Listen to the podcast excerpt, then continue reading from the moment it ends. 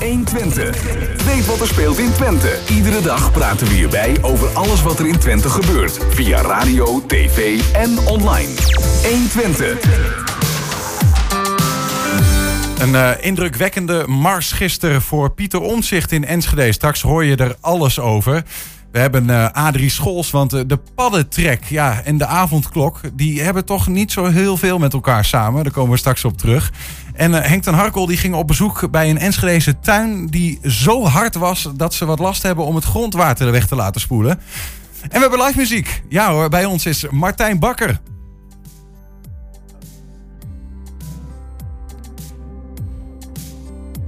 there is therapy for my soul. It makes me whole again. Het is maandag 29 maart en dit is 120 vandaag. We beginnen met een bijzondere steunbetuiging voor Enschedeer Pieter Omtzigt. Het Tweede Kamerlid kwam de afgelopen tijd herhaaldelijk in het nieuws. De eigen partijtop zou met hem in de maag zitten. En afgelopen donderdag werd de zinsnede positie omzicht, functie elders op papieren van de verkenners gezien. Alsof ze het kritische Kamerlid liever kwijt dan rijk zijn. Voor 300 mensen was dat genoeg reden om als protest mee te lopen in een mars in het centrum van Enschede. 20% heeft VVD gestemd, 80% heeft geen VVD en Rutte gestemd. En die 80% wordt van een heel groot deel niet gehoord. Ik ben hier omdat ik, eh, en dat klinkt heel groot, maar ik bedoel het wel zo, uh, om de democratie te redden. Want wat er nu gebeurt, is een ondermijning van de democratie. Ik vind Pieter gewoon een held. Hij durft gewoon tegen de dingen die gebeuren op te staan. En dat durven vele mensen niet. Nederland is natuurlijk mijn land. Dus als ik zie dat, dat het, uh, de polarisatie toeneemt... En mensen niet meer met elkaar verbonden zijn... dan begin ik me zorgen te maken. En als dan ook nog politici in de Tweede Kamer uh, weggezet worden, gevreemd worden... en dus daarmee de ruimte voor die politici verkleind wordt om, om hun vragen te stellen... Ja, dan zijn we denk ik uh, op een heel moeilijk glijdend pad begeven ons. Pieter heeft op een aantal punten, dat heeft hij ook bewezen in de toeslagenaffaire al. En hij zegt ook van nou, we, moeten daar nog meer door. Dat zal nu ook een van de redenen zijn dat hij is uitgevallen. Maar ook dat hij niet voldoende ondersteund wordt door het parlement. Als je nu ziet dat ze hem gewoon naar een andere plek willen laveren. Dan denk ik ja, daar, daar zeggen de mensen ook al van. Dat, kan natuurlijk gewoon niet. en meneer Rutte die kan heel prima zeggen van we gaan daar niks over zeggen. Maar dat is niet, dat is niet aan hem. En dat is een stukje wat Pieter ook constant boven water tovert. Dat er op een gegeven moment informatie achtergehouden wordt. Dat soort zaken. En als burger heb je gewoon recht op een eerlijke overheid. Want hij heeft natuurlijk ontzettend lang al heel veel onderzoek gedaan. En ja, dan ben je niet geliefd bij de mensen die uh, dingen doen die niet door de beugel kunnen. En dan is het uh, gevolg dat je beter aan de kant geschoven kunt worden. Want dan kunnen andere partijen rustig met jou samenwerken. Maar dus mensen in zitten die niet zo kritisch zijn. Dat is een stuk makkelijker. Dat ze hem zo willen stilleggen. En een soort van boycotten. Dat zegt wel iets. En zulke mensen moet je gewoon beschermen. Je ziet dus dat Pieter Omtzigt bijna in zijn eentje moet vechten tegen al die krachten in Den Haag. En dat is bijna een onmenselijke opgave. En ja, en uh, ja, ik, ik, zou hem graag willen steunen. Uh, en, ja, maar dat is zo moeilijk. Je kunt zo weinig doen. En als er dan een oproep komt van, uh, nou, laat even je gezicht zien. Ja, dan doe ik dat graag. Ik ben nu vanuit Brugteveld inderdaad deze kant op gekomen. Ja. En ook bewust om, om te zeggen van, nou, ondersteunen. Want dat heeft Pieter zeker nodig. Zo iets meer eerlijk. Instituties die iets meer werken voor de burgers. En iets minder voor de toppolitici, om het maar zo te zeggen. Een volksvertegenwoordigend orgaan dat echt zijn werk kan doen. Hè? Ook waar uh, mevrouw Ariep het altijd over heeft. Kom eens met die informatie. En uh, niet witlakken van uh, documenten. Daar staat Pieter Omzicht voor. En dat wordt heel erg gewaardeerd. Ik hoop dat er meer mensen in Nederland omzichtig gaan doen. Dat lijkt mij een hele goeie. Nou, heb ik een boodschap. Ga vooral zo door. Uh, wij ondersteunen je daar wel in. En je ziet steeds meer kiezers die daar ook in supporten. Dus weet dat je daarin niet alleen staat. En mochten we iets kunnen doen, dan helpen we daar graag bij. Kan iemand die laatste man vertellen hoe zo'n masker werkt? dat is misschien wel zo. Hij had hem eerst keurig voor hoor. Ja, want jij wist het uh, Ernst, want uh, jij was erbij. Het verslag was ook van jouw hand. Ernst Bergboer, collega. Welkom. Eh, Ernst, wat, wat zien we hier? Wat zijn dit nou voor mensen? Zijn dit een soort van uh, democratie-wappies? Of uh, zijn dit gewoon burgers zoals jij en ik? Hoe moeten we het zien? Ja, nee, absoluut geen democratie-wappies, als je ze zo even wil noemen. Dit waren geen mensen die normaal gesproken de barricade opgaan of zo. Maar dit zijn echt gewoon burgers zoals jij en ik. Die, die zich zorgen maken en die een aantal signalen zien, dingen zien. En denken, ja, maar we willen onze stem, we willen onze steun betuigen. Dit is niet goed. Dit moet anders. Ja, en dat deden ze dus, uh, nou ja, massaal 300 mensen daar gisteren uh, meelopen. Hoe was de sfeer? De sfeer was heel rustig, heel gemoedelijk. Um, ja, prima. Ja. Ook vanuit de Overijsselse gelederen van het CDA verscheen een steunverklaring voor Pieter Omtzigt. Mede ondertekend door gedeputeerde Eddy van Heijem. We hebben hem aan de Zoom. Eddy, goedemiddag. Hey, goedemiddag. Ja, zo'n steunmars, 300 mensen. Hoe kijkt u daarnaar? Ik vond het wel indrukwekkend. Ik heb ook even zitten meekijken net naar dat, uh, naar dat verslag.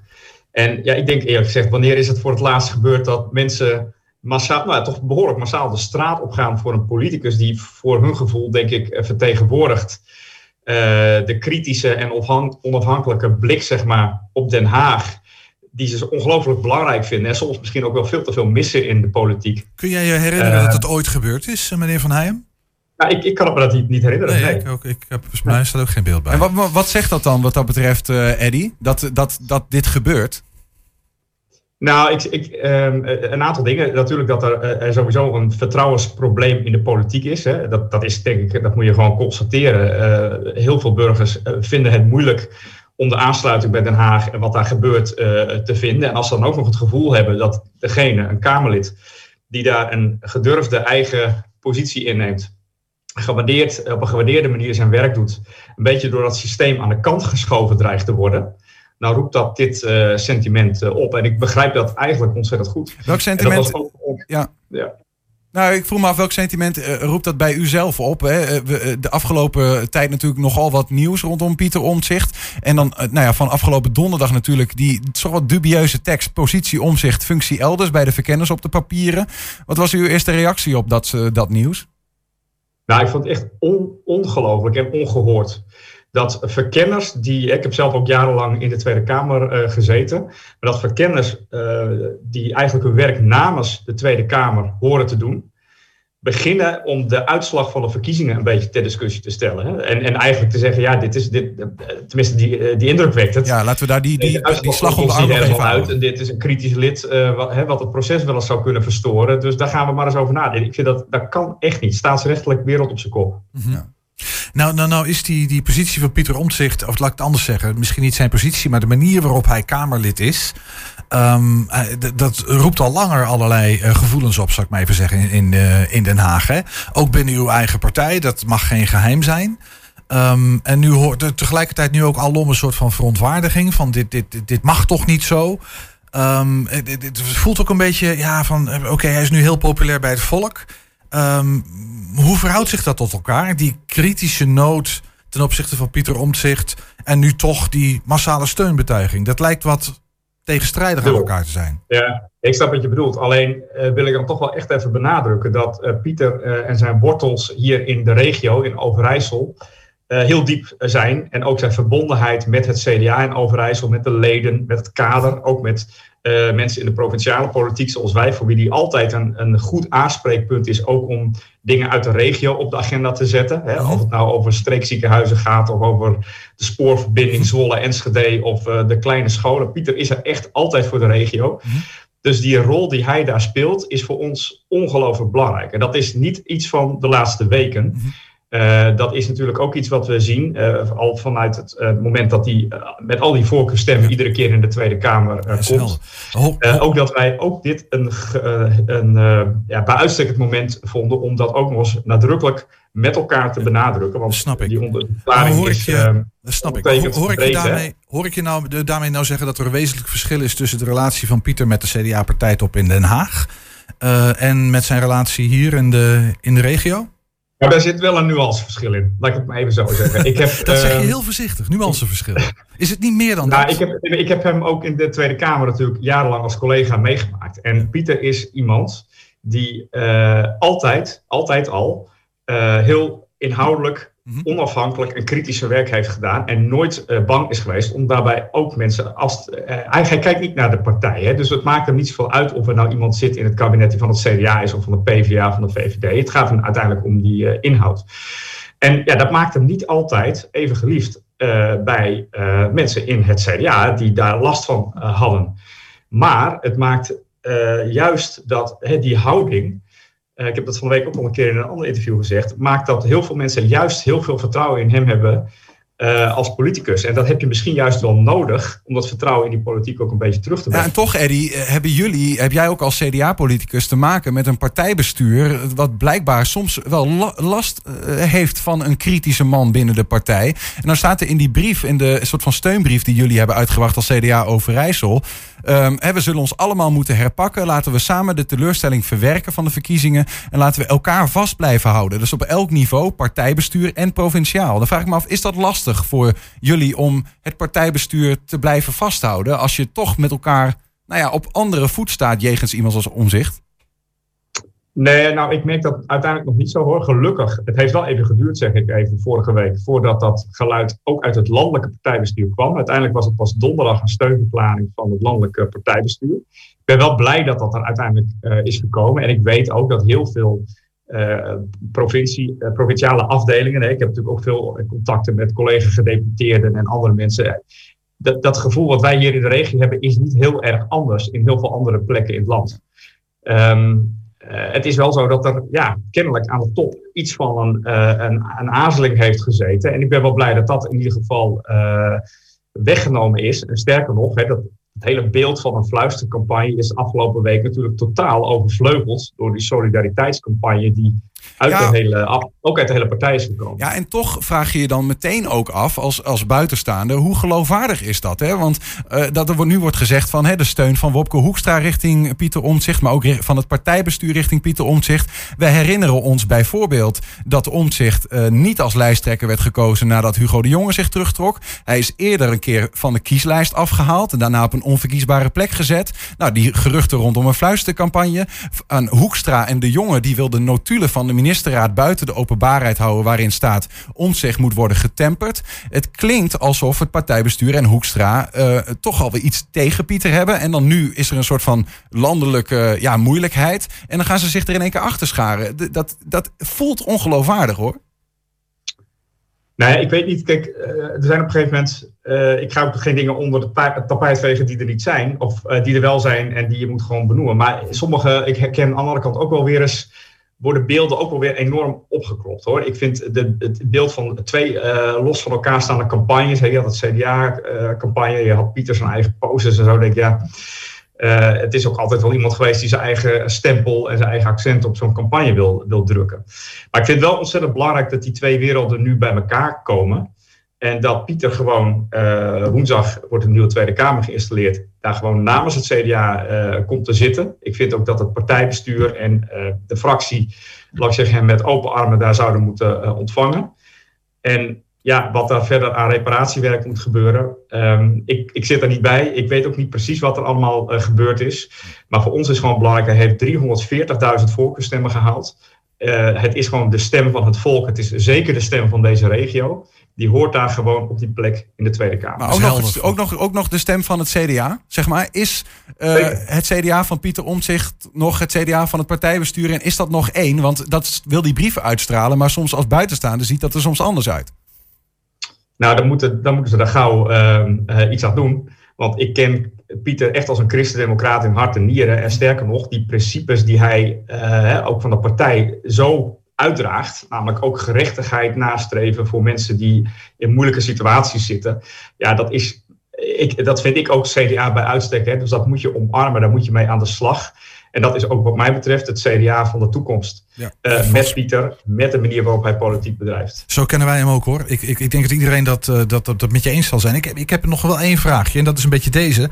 Als je hier met Pieter Omtzigt over praat, dan, dan uh, doet hij altijd een beetje voorkomen. Volgens mij meent hij dat ook echt. Ik doe gewoon mijn werk. Ik ben gewoon een volksvertegenwoordiger. Eigenlijk zou iedereen in die Tweede Kamer moeten doen wat ik doe. Misschien niet in diezelfde verbetenheid, zal ik maar bijna zeggen soms. Maar hij zegt, is ook een beetje desondanks. Ik moet wel zo verbeterd zijn, want het gebeurt gewoon anders niet. Ehm, eh, eh, eigenlijk een beetje twee vragen. Heeft hij daarin gelijk? En wat zegt dat dan over het functioneren van de Tweede Kamer? Uh, nou ja, ik vind dat hij daarin grotendeels gelijk heeft. Hoewel je natuurlijk nooit 150, uh, uh, laat ik zeggen, klonen van Pieter in de Kamer. Ik denk ook niet dat dat helemaal zou werken. maar laat ik zeggen, iets van, van die echte enorme um, zeg je dat, toewijding die hij in dat werk stopt. dag en nacht in touw zijn. echt opkomen voor mensen en niet bang zijn om dingen ter discussie te stellen, ook als ze gevoelig liggen. Dat zijn hele wezenlijke dingen voor de democratie. En ik zou ons inderdaad wel toewensen dat, dat, die, dat we die les ook echt leren. En, en het geeft denk ik ook veel meer plezier in het werk als Kamerlid als je op die manier je werk uh, doet. Dus ik zou het uh, zeker collega's uh, van Pieter nu in de Tweede Kamer toewensen dat ze daar ook echt van, iets van opsteken. Tot slot, Eddy van Heijem. Deze week een debat in de Tweede Kamer over nou ja, het debakel positie, omzicht, functie elders. Hè, de uitgelekte verkennisdocumenten. Um, ga je daar ook speciaal voor zitten? Wat, wat, ja, hoe, hoe kijk je daarna? Wat moet er uitkomen wat jou betreft? Nou, ik kijk daar wel met heel veel interesse naar. Ik vind het, uh, ik weet niet of ik in staat ben om het te, uh, te volgen, want we hebben zelf ook een statendebat, provinciaal statendebat in, uh, in Overijssel. Maar kijk, um, ik heb gezien dat er allerlei briefjes en uitleg zijn gegeven nu door um, de verkenners, die nog absoluut niet tegemoet komen aan de vraag hoe komt nou zo'n positie omzicht op zo'n verkennersformuliertje. Ja. Uh, ik vind dat staatsrechtelijk zeer kwalijk. En uh, Wopke Hoekstra heeft denk ik ook terecht en gelukkig heel snel gezegd... hier neem ik afstand van, hier moet de onderste steen boven komen. Dus ik ben heel benieuwd ook uh, hoe scherp hij en zijn collega's komende week in dat debat die, bovenste steen, of die onderste steen ook boven zullen trekken. En laten we hopen dat het alles dan gaat bijdragen aan de verbetering van onze democratie uiteindelijk. Uiteraard, ja. ja en ik hoor, ik hoor dat de hond erop uit wil, uh, Eddie, geloof ik. dus, uh, was, ik, ik, hoopte dat hij niet te horen was, maar kennelijk toch. Uh, ja. um, bedankt voor, voor jouw visie op, op de zaken en nou ja, succes met het werk verder. Dank jullie wel. succes met de uitzending. Dank. CDA-gedeputeerde in Overijssel, Eddie van Heijem hoorde je. Ja goed, zometeen collega Henk ten Harkel over een ondoordringbare grond in een tuin in Enschede. Maar eerst... Vanavond en morgenavond is het even extra opletten geblazen op de weg. Kikkers en padden beginnen te trekken als het gaat schemeren. En dat is nu vanwege het ingaan van de zomertijd vanaf een uur of acht al. Um, of vanaf een uur of acht, terwijl het verkeer nog doordende tot negen. En de mensen van de werkgroep Paddentrek Hengelo, die de beestjes op de bekende hotspots overzetten, die moeten om negen uur thuis zijn. Dus dat betekent dat ze hun werkzaamheden staken tot woensdag. Want dan hebben ze een uurtje extra. En dat kan net genoeg zijn om de meeste beestjes te helpen bij het oversteken. Aan de telefoon Adrie Scholz van de werkgroep. Adrie, goedemiddag. Ja, goedemiddag. Ja, in eerste instantie waren jullie blij hè, met die avondklok. Maar nu stelt hij jullie voor een probleem. Kun je dat eens uitleggen? Nou ja, dat is daadwerkelijk. Nu stelt hij ons voor een probleem. Wij hebben de afgelopen weken, hebben wij dus tot zeg maar tien voor negen, kwart voor negen, hebben wij op de diverse locaties gelopen. En konden de, men, de vrijwilligers allemaal op tijd weer thuis zijn. Maar doordat nu de avondklok uh, pas op woensdag verzet wordt en we nu in de zomertijd leven, is het zo dat het s'avonds tussen, half, tussen kwart over acht en half negen pas schemerig wordt. Mm -hmm. Ja, en dan vanaf dat moment gaan die padden en kikkers pas trekken naar ja. de, over, naar de uh, voortplantingspoelen. Ja, dus ik begrijp, eerder was het om zeven uur schemer. Nou, dan heb je twee uur ja. om te helpen. En nu is het acht uur schemer, dus je hebt maar één uur om te helpen. Ja, het is door de, de, de, het tijdstip van schemering schuift natuurlijk ook al mee. Ja. En als je dan ook nog een keer die zomertijd krijgt, ja, dan, dan knalt je in één keer een uur vooruit. Ja, oké, maar aan de andere kant dus heb je toch ook, Adrie, door, door die avondklok zijn het toch ook, uh, is het om, om, om negen uur moet iedereen binnen zijn. Dus je hebt één uur om die padden te helpen. Maar de padden die daarna nog gauw willen oversteken, na negen uur, die hebben toch weinig te maken met uh, verkeer? Ja, dat klopt. Maar wij konden dus uh, in het donker heb je dus wat minder problemen uh, wat betreft het verkeer. Want dan, dan, gaat men al eerder naar huis. Hmm. Nu is het zo dat de mensen dus pas op het laatste moment naar huis gaan racen. Ja, ja, ja, ja. ja. En dan toch ja, minder en, oog hebben voor die uh, lieve padden. En juist minder oog hebben ja. voor wat er op het wegdek gebeurt. Maar nou heb ik begrepen, Adrie, dat je als het gaat om het dierenwelzijn... een ontheffing kunt aanvragen van die avondklok. Dat is dus door onszelf geprobeerd. Dat is door eh, de landelijke vereniging geprobeerd. En er wordt dus gesteld van... nee, jullie zijn niet direct bewust, bewust bezig met dierenwelzijn. En ja, daar kun je dus je vraagtekens bij zetten. Want ja, moeten we dan de beschermde dieren... want uiteindelijk praten we over een beschermde diersoort... maar gewoon kapot laten rijden? Of ja, is het dan daadwerkelijk zo dat, er, dat men ervan uitgaat dat er na negen uur veel minder verkeer is. Maar dat is En een andere, dat dus is een, wat dat, er- dat is een andere vraag. De vraag, is, de vraag is of jullie met dierenwelzijn bezig zijn. En ik zou niet zo goed weten hoe je het anders zou moeten noemen. Of is het een soort van ja, eh, eh, sociale werkvoorziening of zo? Nou ja, ik heb een beetje de neiging dat ze een beetje de, de- het idee hebben van het zijn maar amfibieën. Het is de laagste soort wat wij hebben. Nou, dat vind ik, dat vind ik te min voor onze ja, padden. klinkt heel hard, ik het zo zeg Ja. hoor. Maar, Maar ik, even, eh, Adrie, gisteravond ging die, was het natuurlijk de eerste avond dat dit de situatie was. Dat het om nou ja, acht uur, kwart over acht schemerig werd. Dat je, Ja. dat, hebben jullie toen ook rond negen uur, net na negen uur, een, een massaslachting ervaren? Nou, er is geen massaslachting geweest. Dat niet. Maar er zijn wel vanmorgen meerdere dode padden en eh, salamanders gevonden op de fietssnelweg Enschede-Hengelo en eh, in Wolde. En ja, waar praat ik over? Enkele tientallen. Terwijl wij de afgelopen dagen hadden wij drie, vier, vijf dode padden. Ja.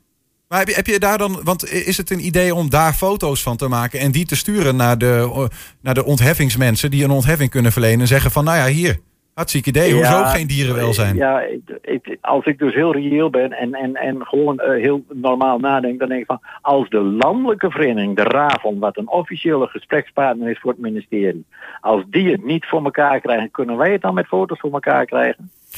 Ja, ik weet het niet. De, de, A- de Adrie Scholz uit Hengelo, je weet het nooit. Ja.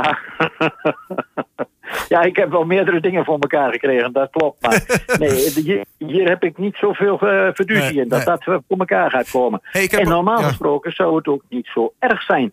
Want eh, als dus dat verkeer, die verkeersluwte er is, ja, nou ja, oké jongens. Wij hebben dus daadwerkelijk de afgelopen dagen heel duidelijk gekeken van wat is er, wat gebeurt er rond kwart voor negen nog op de locaties. Nou, dan is er praktisch geen verkeer meer. Nou, prima. Alleen deze komende paar dagen, paar uren, ja, dan heb je dus een probleem. Want de beestjes trekken veel later. Dus het komt later op gang. Het gaat sneller. Ja, en dan heb je dus kans dat er meer doorgereden wordt. Nou, en, en wat ik ook heb begrepen, op het moment dat het warmer wordt, dan komen ze ook eerder, of dan gaan er meer padden trekken. Klopt dat? dan gaat het veel massaler. En ja, daar hebben we dus nu net alles met elkaar. We hebben de pech dat het dus nu fantastisch mooi weer is. De vochtigheid, luchtvochtigheid is nog heel hoog. Dus ja, die beestjes die willen wel. Ja. Hoe, wat is er trouwens aan de hand met dat padden trekken? Want, want vorig jaar hebben jullie 8500 dieren eh, in totaal overgezet. En de teller staat Ja. nu al, begreep ik, op 5000. Ja, nou ja, oké. Wij hebben eh, rondom Hengelo hebben wij natuurlijk een, eh, een paar geweldige waterbekkens in de retentiegebieden liggen.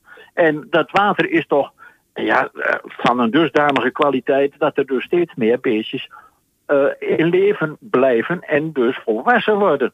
Maar als je dus naar dat landelijke beeld kijkt en je kijkt, eh, Paddenpunt nu bestaat nu 12 jaar en bij de oprichting ten opzichte van afgelopen jaar is er 50% minder padden gemonitord. Hmm, hmm.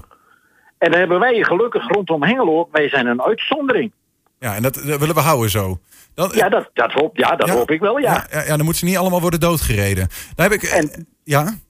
Ja, dat is dus ook daadwerkelijk waarom wij dus gezegd hebben van ja jongens, maar het zou toch wel te gek worden als we daar niet een aandacht voor kunnen krijgen. Dus wij proberen dan ook het verkeer, de mensen die dus nog op weg zijn, te attenderen op het feit van jongens, kijk alsjeblieft uit en doe wat rustig aan. Adrie, wat ook zou kunnen, is dat je stiekem toch na 9 uur even naar die F35 om die padden te helpen. Maar dan is de, ja, toch wel de morele duivelse dilemma is, wat heb jij nou liever? Een avondklokboete of een dode pad?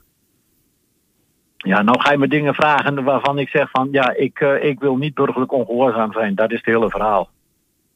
Dus jij blijft binnen en je roept de Ik mensen blijf op. binnen. Let goed en, op. Ja, en ja, het- die oproep dat moet toch voldoende zijn? Bij deze, staat genoteerd, Adrie. Ja. Dank voor de uitleg en succes hè, met het eh, nou ja, padden overzetten en tot 9 uur voorlopig. Ja, nou ja, voorlopig nee, tot eh, woensdagavond Tot gaan we weer gewoon tot tien uur hè. Zeker weten. Succes ermee. Ja, dankjewel. Adrie Schols, paddenliefhebber. Dan 60 tot 70 procent van de Enschedeërs heeft last van water. Dat hoopt zich op in eh, kelders, kruipruimtes en in de tuinen. In de zomer steunen en kreunen we vanwege de droogte. Vitens liet afgelopen jaar al weten dat onze drinkwatervoorziening zomaar in gevaar kan komen als we niets doen. Dus moeten we het water in Enschede en in T- Twente vasthouden. Zelfs als het heel heftig eh, tekeer gaat. We bouwen ondergrondse waterreservoirs. We graven wadi's en dan gooien de beken weer open. Maar hoe zit dat met het water in onze tuinen? Daar zit nog wel een probleempje, hè Henk? Ja, een groot probleem heb ik, eh, heb ik ontdekt. Een groot probleem zelfs. Ja. Want eh, je zou denken, ja, die tuin, eh, da- die, dat is al een tuin, dat is groen, dus daar loopt het water gewoon, eh, dat, dat ja, houdt het eh, water vast. Ja, dat zou je denken. We hebben twee problemen in onze tuinen. Eén, we liggen in Enschede op een, eh, op een stuwwal. En daar hebben we eh, een keileemlaag onder liggen. En dat zien we ook in de tuinen. Het gevolg is dat het water dan maar misschien enkele tientallen centimeters in het, eh, eh, kan doordringen in onze tuin. Is dat bij bijna elke tuin zo? eh, in- Nee, nee, gelukkig niet, maar wel veel tuinen. Mhm. En dan hebben we het tweede probleem, wat overal, wat niet alleen in Enschede, maar wat overal in, in, in Twente voorkomt, is dat we onze tuinen zo hebben aangelegd, of dat we bij nieuwbouwwoningen met name onze tuinen zo hebben aangelegd, dat daar met zwaar materieel in, in de beoogde tuintjes is, is gewerkt. Daar hebben we allerlei rotzooi in gelegd en vervolgens is die grond zo ingeklinkt dat er een heleboel tuinen in Enschede en omgeving Ehm, nou, dat die een onderlaag van spijkerharde grond hebben. Daar, daar komt geen water meer door. Dus je hebt die, die, die, die harde leemlaag, maar je hebt, een, je hebt nog iets. Ja, je hebt een harde leemlaag. Dat is één deel van het probleem. En Ja. het andere deel van het probleem is dat wij eh, onze woningen zo hebben gebouwd... dat er een, een, een, in onze tuinen heel vaak een enorme harde ondergrond eh, eh, in zit. En terwijl het, het credo is, we moeten dat water vasthouden, dus dat moet daar ergens eh, ja, in Nou, de grond in, kunnen. En, de grond in kunnen. En als dat niet kan, omdat de grond zo steenhard is geworden, Ja. dan, dan verspreidt het zich over een wat over, over een, een, een grote groot grondgebied. Dat betekent dat het water dan niet de grond in gaat, maar dat gaat dan de kruipruimtes in, of dat gaat, de, ehm, ehm, dat gaat naar de funderingen toe van de woningen, omdat daar gaten in zitten waar het water kan doorcijpelen. Of het verdampt. Mm, Nou, nee. Ja, in de zomer verdampt het. En dat betekent dus dat er een heel klein laagje goede grond op die harde ondergrond ligt. Waardoor de planten eh, het, het onderspit delven. Maar hoe lossen we dit dan op, dit probleem? Ehm, ja, in, in Duitsland hoorde ik... ehm, is dit bijna wettelijk verplicht dat de aannemers zodra ze een huis eh, opleveren...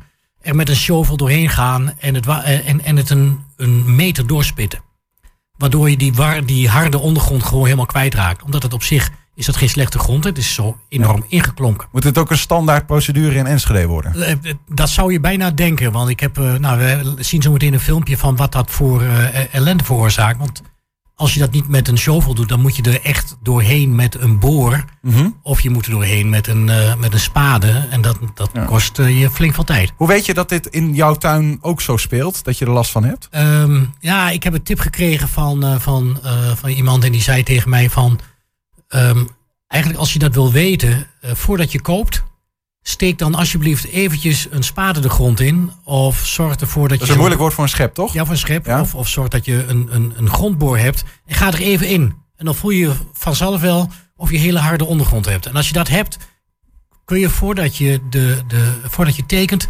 toch nog even tegen de, de vorige eigenaar zeggen... of tegen de, de, eh, de, de aannemer van... wil je alsjeblieft even die grond goed doorspitten. Doe er wat aan. Ja, Ja. En, en het punt is... ehm 70% van de, ehm, van de grond in Enschede is niet van de gemeente. Mhm. Die doet haar ding wel. Maar juist in die tuintjes, en een heleboel van die tuintjes die hebben dat...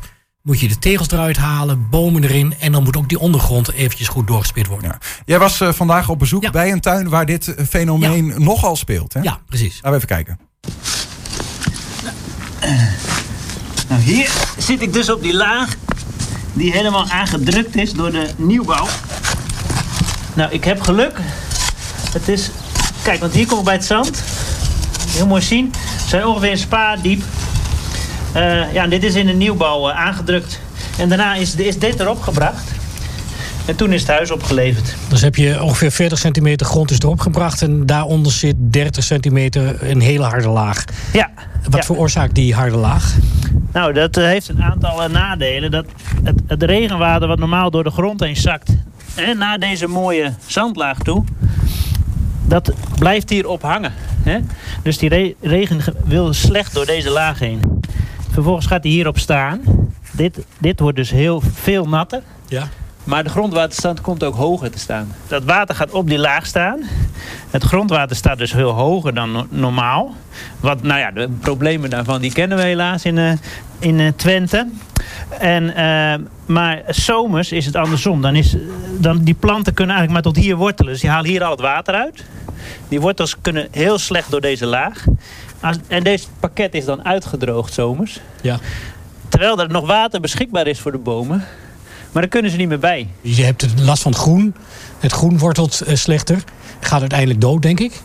Ja, ehm, eh, het het kan natuurlijk nog heel lang leven op deze laag. Ja. Maar eh, als het echt heel droog wordt, heeft het te weinig eh, aan. En ja, dan gaan de planten eerder eh, verdorren. De hoge grondwaterstand zorgt dat voor overlast in, in, in deze wijk? Die is bekend. eh, en eh, kijk, dit is dan nog extra eh, kwetsbaar. Omdat hier gebouwd is nieuwbouw tussen oudbouw. Wat, wat doe je daar nu aan? En wat ik hier nu doe, is hem gewoon helemaal doorhalen. En eh, ja, ik doe het met de hand. Maar ja, ik kan natuurlijk ook een mini-kraantje ophalen. Dan ben je zo klaar. Ja. Hè? eh, maar eh, ja, dat is eigenlijk de beste oplossing. Als dat niet meer kan, omdat de tuin al ingericht is, dan hebben we deze. En dan zou ik zeggen, ja, prik hem goed door. Ja. Met de grondboor. En, en, en, en eigenlijk is het dus een probleem van de, de, de bouwer, dit. Ja. Van de aannemer. Ja, ja kijk, eh, een, een aannemer is natuurlijk eh, eh, heel goed eh, in het bouwen van huizen. Maar dit gaat over bodemkunde. Hè? En eh, ja, je weet hoe het gaat. Het huis is klaar, daar is alle aandacht op. En dan wordt dit snel afgewerkt en dan klaar. Hoe, hoe vaak kom je dit tegen? Eh, ik moet zeggen, helaas heel vaak in eh, Twente, Oost-Nederland.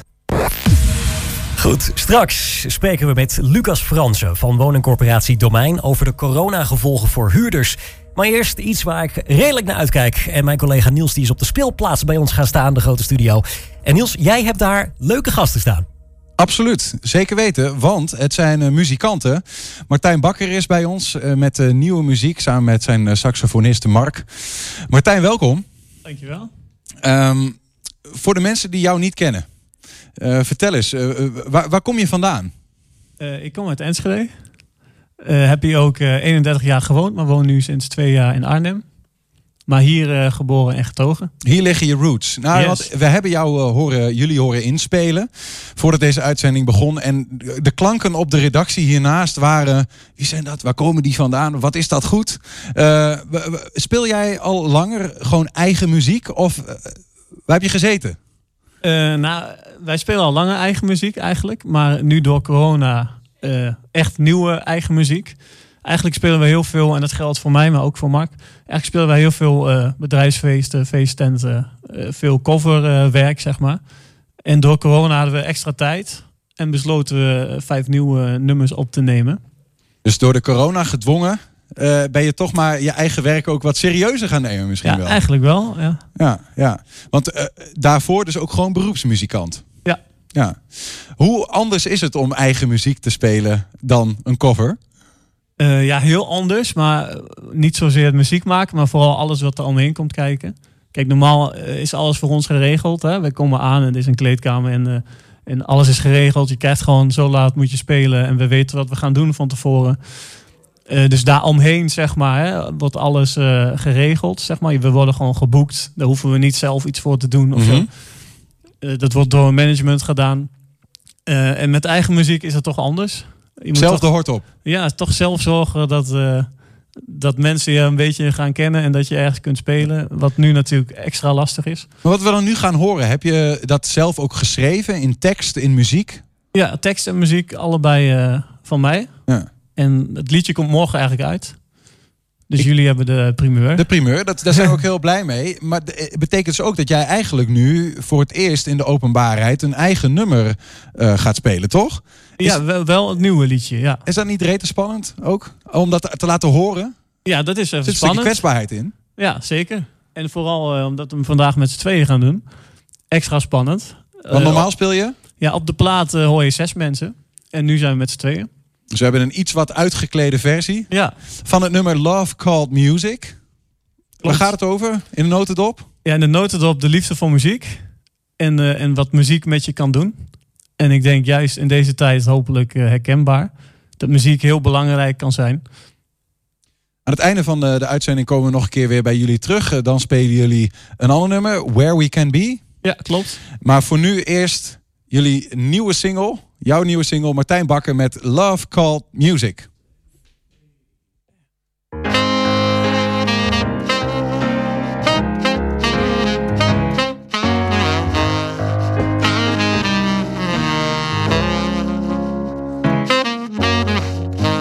Doing what I like and doing what I know that I do best. At a party somewhere, keep them dancing. Be memories that last. No, I can't survive when I'm not able to do this. I just know that I'm a music man, a traveling man, not a one night stand. I'm just made for this sweet, sweet music. It's therapy for my soul. This love cool music. It's sweet, sweet music.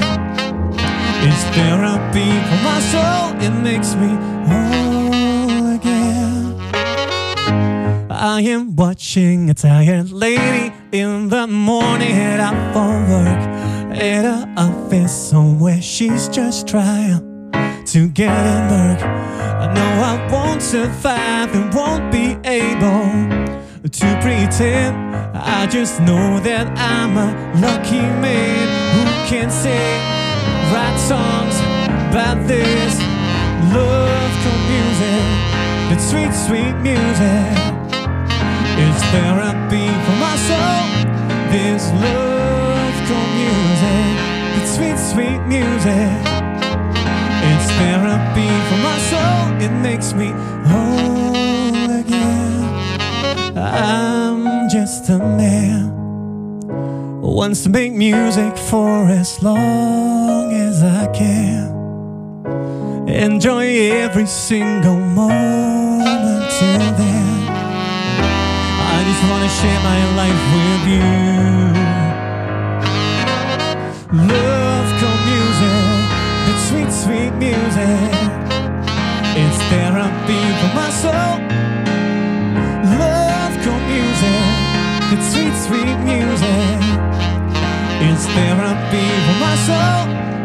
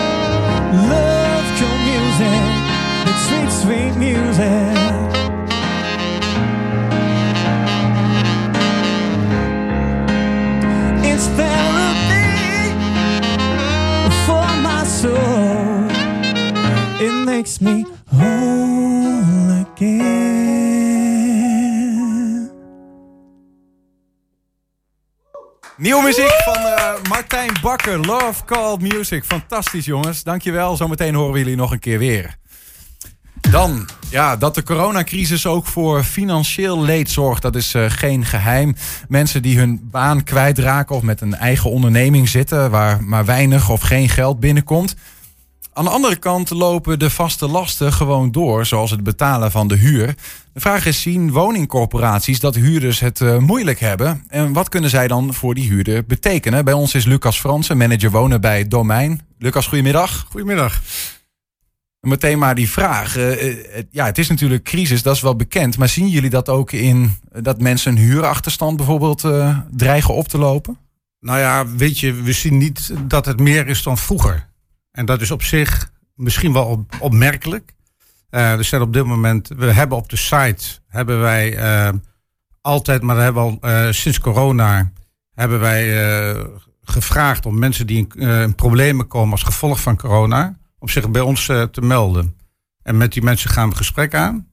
En dan kijken we wat we voor ze kunnen doen. In eerste instantie proberen ze te verwijzen naar regelingen of naar instanties. En als ze daar een nul op hun request krijgen en echt in huur, huurschuldproblemen komen, dan gaan we met hun eh, in gesprek. Dat is eigenlijk een beetje het, eh, een beetje het verhaal. Nou, tot nu toe ehm, zijn, ja, en ik, ik kwalificeer dat niet van goed of slecht of laag, hoog of laag, maar er zijn 125 eh, huurders die aan de hand van de van de 15.500.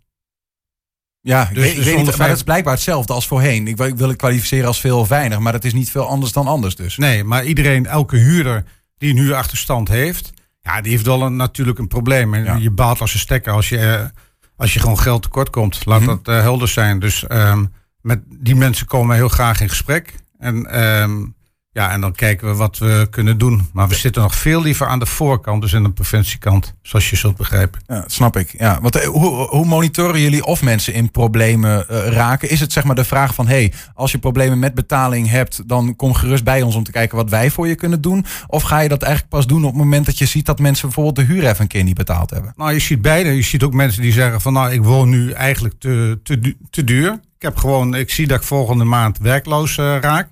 Wat kunnen we doen? Kan ik een andere woning eh, gaan betrekken die mij minder geld kost? Nou, dat kan altijd eh, wat ons betreft.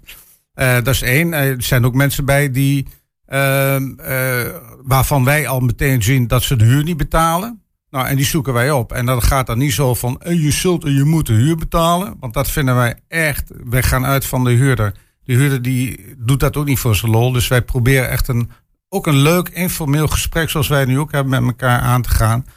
En eh, te vragen van, god, heb je, waarom heb je huur niet betaald? Eh, is daar een reden voor? Of heb je het gewoon vergeten? Dat kan natuurlijk ook, hè? En we hebben sinds vorig jaar hebben we een tikkie. Dat ken jij wel, ook een tikkie. Nou, en die, die hebben we ingevoerd. Nou, ik, moet, ik kan je melden, dat is een enorm succes, zo'n tikkie. Mensen vinden dat buitengewoon prettig. Want dan sturen jullie eh, zo van, nee, je moet nog eh 500 euro huur betalen, hier is een tikkie? Nee, zo, zo gaat het niet. We Oh. gaan eerst een overleg met de mensen. Dat is natuurlijk het allerbelangrijkste. Ja. En dan zeggen we, hoe lossen we het probleem op? Wil je dat eh, via gespreide betaling doen? Wil je eh, dat we de huur opschorten voor zeg maar een maand of twee, drie? Vind ik zelf het minst aantrekkelijke. Zou ik Wat dan eh, de je- uitstel van executie Ja. eh, zou het dan zijn. Dat zou ik ook vinden, ja. Ja. Of zeg je van, nou laten we maar eh, gespreid gaan betalen. Wat En- betekent dat dan, gespreid betalen? nou, dat je bijvoorbeeld, stel dat je 500 eh, euro's eh, achterstand hebt, of 1000 euro, dat je zegt van nou, ik ga in 10 of 20 maanden van 50 euro, ga ik dat eh, aan jullie terugbetalen. En dat doe ik dan door middel van een machtiging. Ja. Nou, en op die manier kunnen ze in alle rust, zonder stress, want financiën, als je in financiële problemen zit, nou, ik weet niet of jij het kent, maar ik ken het nog wel vroeger vanuit mijn studententijd, eh, kwam ik toch wel in de financiële stress terecht. Ja. En dat is het laatste waar je in terecht wil Kun je komen. niet meer goed nadenken over hoe moet ik de dingen nou aanpakken. En dan helpen jullie een handje om daar een voorschot misschien wel. Of Ja. voorzetje in te doen. Precies, of we verwijzen naar, naar instanties. Maar wat wij met name willen is die eh, huurder gewoon helpen. Mhm. Het gaat ons niet om het binnenharken van het geld. Nee, het gaat ons om Ja, de maar te helpen. dat klinkt dus ook alsof je best wel coulant bent. En ik kan me ook voorstellen dat jullie als domein zeggen: ja, we willen je helpen. Maar alleen in het geval van dit, dat of dat. Wat voor een voorwaarden liggen eraan voordat jullie zeggen: hey, wij doen een stap in jullie richting of wat dan ook? Nou, en dat is het mooie, vind ik, wat wij eh, opgetuigd hebben. Dat kan ik niet van tevoren zeggen. Dat is puur maatwerk. Dus stel dat, ik, eh, dat jij zegt van, joh, ik heb 1000 euro eh, huurachterstand. Ik heb daar een, dan heb ik daar niet, zeg maar, dat is dan het probleem. Daar heb ik daar niet meteen de standaard oplossing eh, voor. Dan wil ik met jou een gesprek van hoe komt dat dat jij die huurachterstand hebt.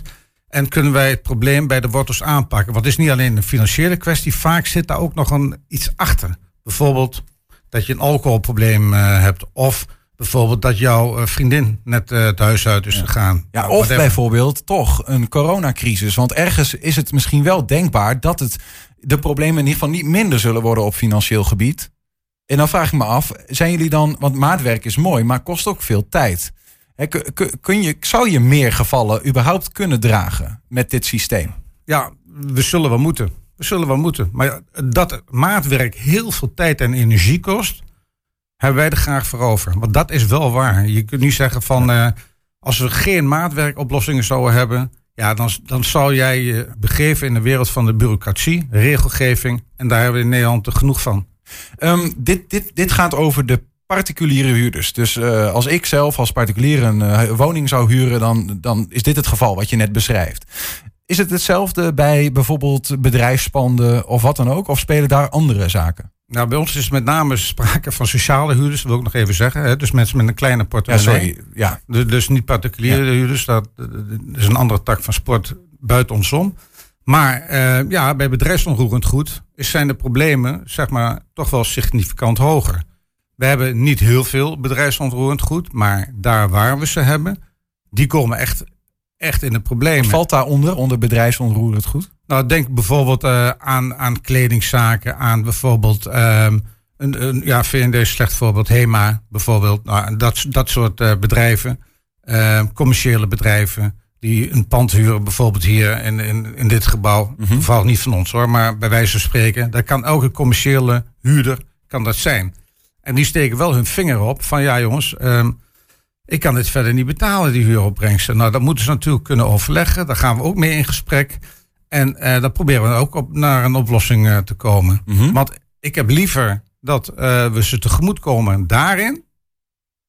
Vele malen liever dan als ze zeggen van, nou je niet kunt betalen, dan... ja, maar dan ben je dan helemaal je huurder kwijt. En dan ben ik al mijn huurpenningen kwijt. Maar ik vind ook, voornamelijk ben ik dan kwijt ook mijn sociale gezicht richting die commerciële partij. Maar die commerciële partij, die is ook heel van groot belang voor de leefbaarheid in zeg maar die wijk. En dat is ook buurt. jullie opdracht. En dat is ook onze opdracht. Ja, ja. ja, ja. Um, bedrijven gaat het om, maar ook om maatschappelijk vastgoed. Wat moet daar? Uh, Je bent heel goed op de hoogte. Ja.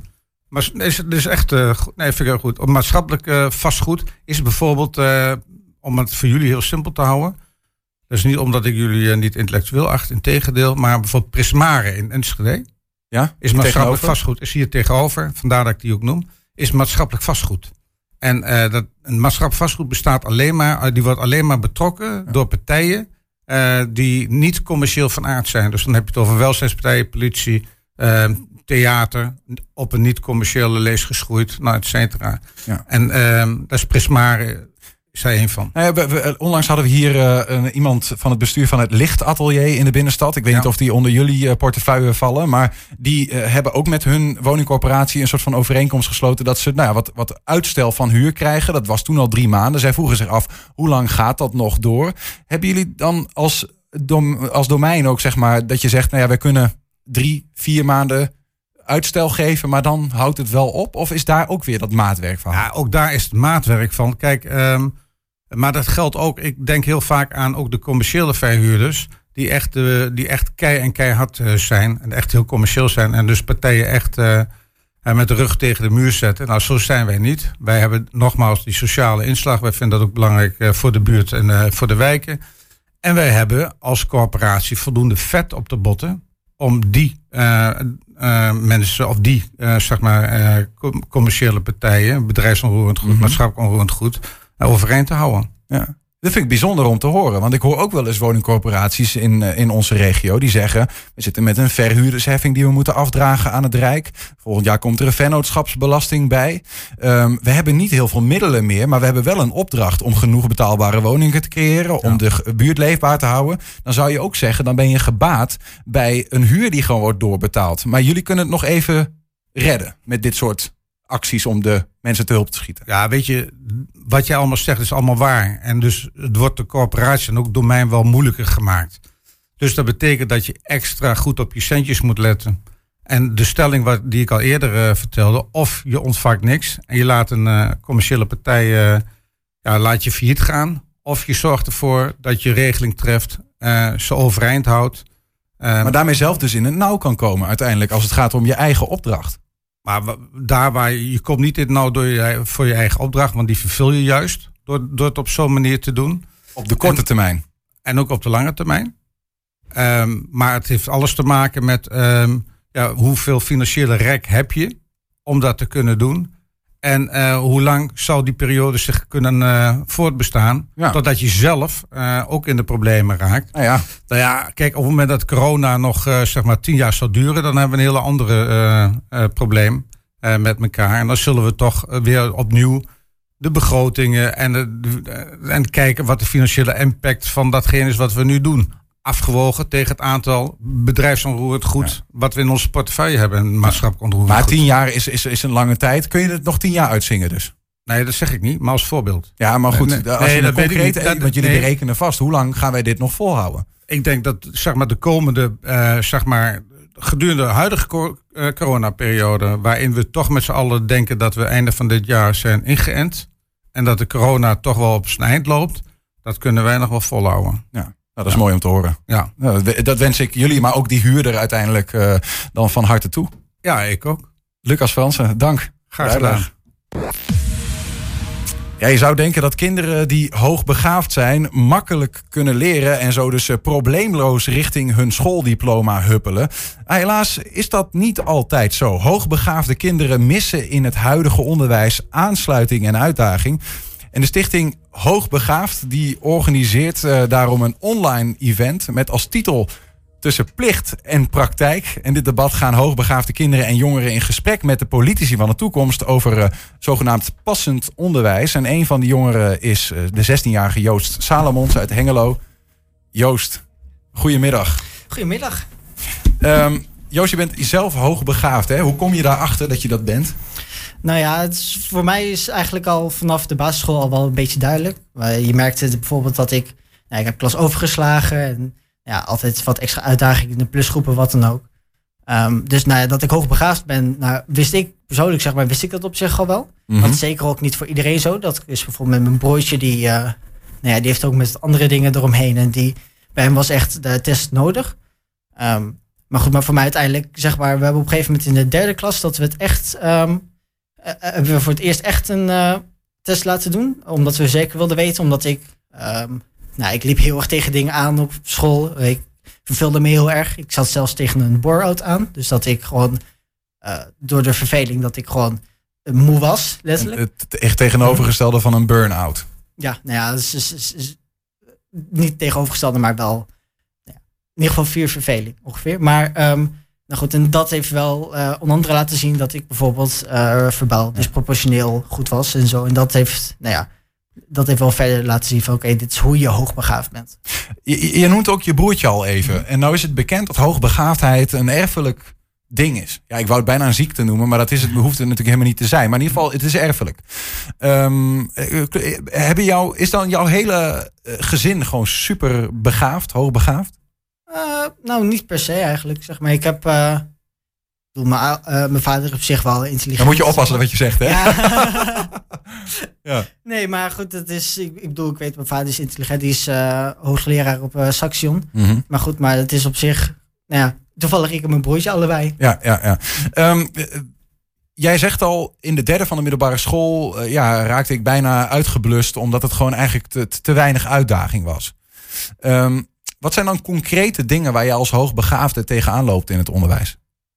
Eh, nou ja, wat ik eh, sowieso is dat het, eh, het tempo is gewoon heel langzaam. Dus dat ik gewoon merk zo van ja, ik kan misschien, ik, ik kan op zich wel de examens, zeg maar, te- het tempo waarop het eh, normale VWO of gymnasium, waarop dat door de stof gaat, dat is gewoon, nou, voor mij nog soms wel dan te langzaam. Ja, ja dan zou je zeggen, ehm, zoals je dat eerder hebt gedaan, eh, kun je een klas overslaan of zo. Of is dat niet de juiste oplossing?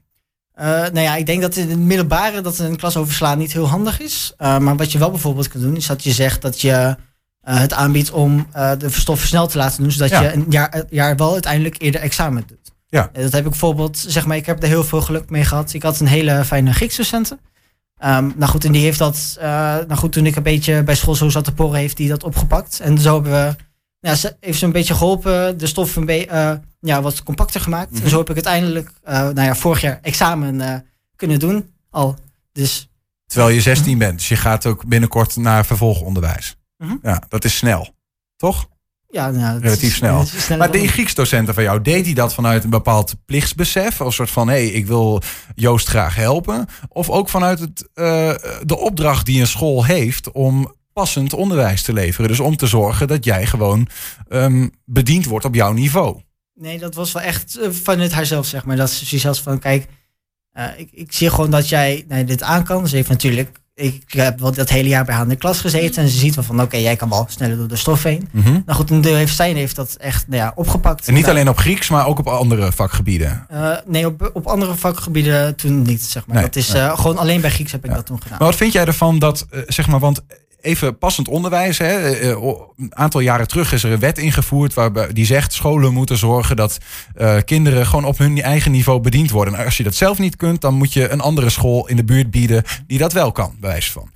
Ehm, dat, het lijkt soms, maar correct me if I'm wrong, alsof daar vooral gekeken wordt naar de kinderen die juist wat extra steun nodig hebben en juist aan de onderkant zogezegd eraf lijken te vallen. Maar niet voor kinderen of jeugd zoals jij, die juist boven de materie uitstijgen. Klopt dat? Ja, dat is inderdaad wel, zeg maar, je merkt wel altijd dat het, ehm, omdat, eh, nou ja, als een kind van onderaf steun nodig heeft, dan is het altijd, is het vaak wat duidelijker van, oké, dit is wat we nou precies moeten doen, hè? Mhm. Want het is gewoon, ehm, het kind moet de stof kunnen, maar het kan de stof niet, dus we helpen hem, nou ja, de stof beter leren. Ja, en jij red je wel natuurlijk. Ja, precies, zeg maar, ik, ik haal gewoon prima cijfers, maar eh, en ze hebben daar gewoon, van met passend onderwijs, hebben daar gewoon nog geen route uitgestippeld van, oké, kijk, dit is nou hoe we ervoor kunnen zorgen dat zij ook op het eigen niveau. Want eigenlijk beschouwen ze nou ja, het huidige VWO als het hoogste wat je kan halen. En nou ja, voor de rest doe je maar zelf wat.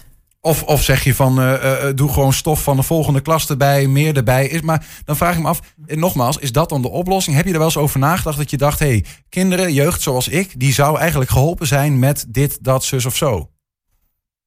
Ja, nou ja, ik denk dat sowieso. ehm, nou goed, er zijn een paar opties die je kan hebben. Je kan natuurlijk, zoals ik al eerder zei, je kan zeg maar eh, de stof versneld bieden. Ja. Eh, maar op zich, wat ook heel vaak belangrijk is, is dat ehm, eh, de default, zeg maar, waar als je naar school naartoe gaat, als je zegt zo van, hé, hey, kijk, ik heb meer uitdaging nodig, zegt school heel vaak, oké, hier heb je meer werk.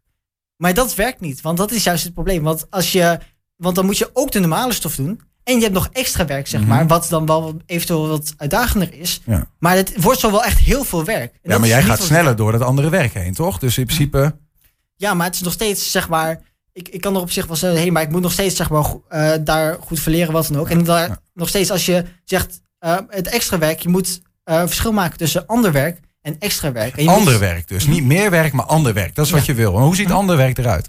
Eh, nou, dan kan je dus bijvoorbeeld eh, dat, dat je ervoor zorgt dat het bijvoorbeeld verdiepend is. Dus dat je ehm, met stof, zeg maar, als je al met de stof bezig bent, bijvoorbeeld dat je daar, ja, dat jij daar dan nog wat extra op ingaat. Bijvoorbeeld, zodat je bijvoorbeeld, eh, nou ja, het onderwerp, dat behandel je dan nog steeds. En dan kan je nog steeds voor de toets, zeg maar, heb je op zich ook nog steeds de basis. Mhm. Maar dan heb je ook de stof erbij die voor jou op niveau zit. Ja. Betekent dat dat je bijvoorbeeld niet alleen wiskunde hebt, maar wiskunde in het Grieks? Of is dat een hele gekke... Nou ja, ik bedoel, dat, zou een hele leuke combinatie kunnen zijn, bijvoorbeeld, ja. Je wordt een beetje prikkelen, toch? Zo af en toe. hey, maar binnenkort, want ik, ik noem dat ook even, omdat binnenkort ga je dus in, in debat, eh, ook met politici, om dit probleem aan te kaarten. En ik neem aan ook vanuit jouw eigen zichtskader, vanuit jouw eigen beleving, dingen aan te kaarten. Wat is jouw rol binnen dat debat? Eh, nou ja, ik ben vooral, eh, zeg maar, dus wat ik wil duiden is dat ik, ik wil de, eh, de ervaring eh, gewoon laten zien van, kijk, oké, dit is waar ik als persoon, weet je, als, waar ik als hoogbegaafde, waar ik tegenaan loop. En Mhm. ik wil zo laten zien van, eh, in het debat gewoon laten zien van, kijk, dit is de problemen, dit zijn de oplossingen wat ons betreft. Ja. Je hebt daar wel meer ervaring mee, hè? Debatteren. Ook over dit onderwerp? Eh, nee, over hoogbegaafdheid nog niet, nee. Nee, nee, nee. Dus dat wordt nog even een, een nieuw ding. Wanneer is het debat precies? Dus 16 april. 16 april. En is die ook ergens te volgen, weet je dat? Dat eh, weet ik zo niet uit mijn hoofd. Nee, nee. Nou, zoek het nog eh, in ieder geval even uit als je het eh, wil horen. En als je Joost dus in debat wil horen met die politici. En ze nou ja, hopelijk wat vooruit kan helpen ook in dat geval, Joost. Ja, dat hoop ik zeker. Dank voor je uitleg hier. Dan ter afsluiting hebben we nog één nummer te goed van de muzikant die nog steeds bij ons op de speelplaats staat, Martijn Bakker. Hier is hij opnieuw live, Martijn Bakker met Where We Can Be.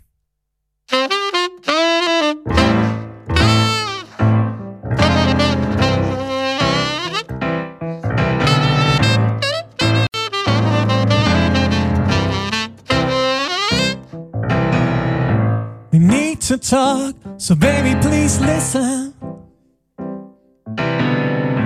How I feel, but it just sounds insane. Can't keep my head above the water. Let me drown in your love today.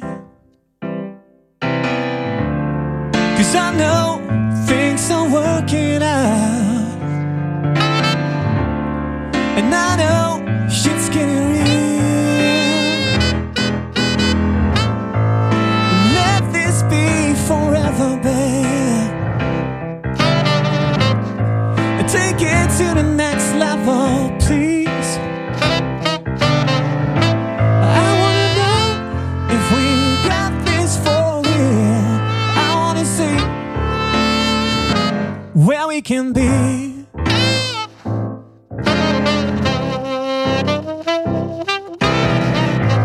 Trying to find clever lines to tell you how I feel, but it just sounds insane. I am not a smooth talker. I just write it down, sing this refrain. Cause I know things are working out with you, I want things to give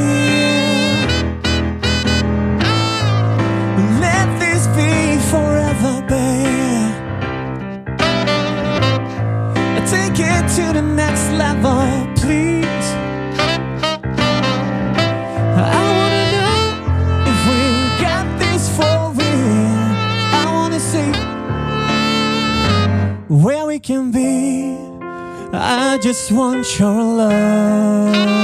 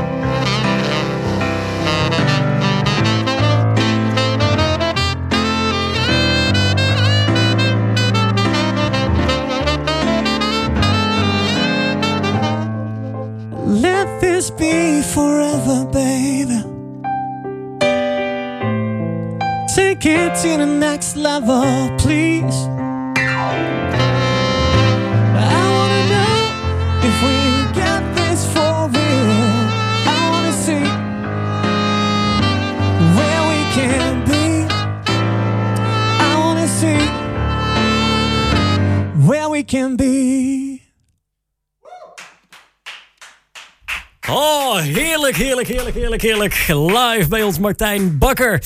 Oh, en, en zijn, eh, eh, natuurlijk hè, niet te vergeten de rest van de band eh, erbij. Heerlijk, heerlijk, heerlijk. Tot zover ook weer 21 vandaag. Dit vind je trouwens zometeen ook bij ons op de website. We geven ons even een paar minuutjes om het te knippen en alles stoppen en eraan. Maar op 120.nl vind je dit allemaal terug. Morgen, dan zijn we er gewoon weer met een nieuwe uitzending. Dankjewel voor het luisteren. En zometeen niemand minder dan Henk Ketting met de kettingreactie.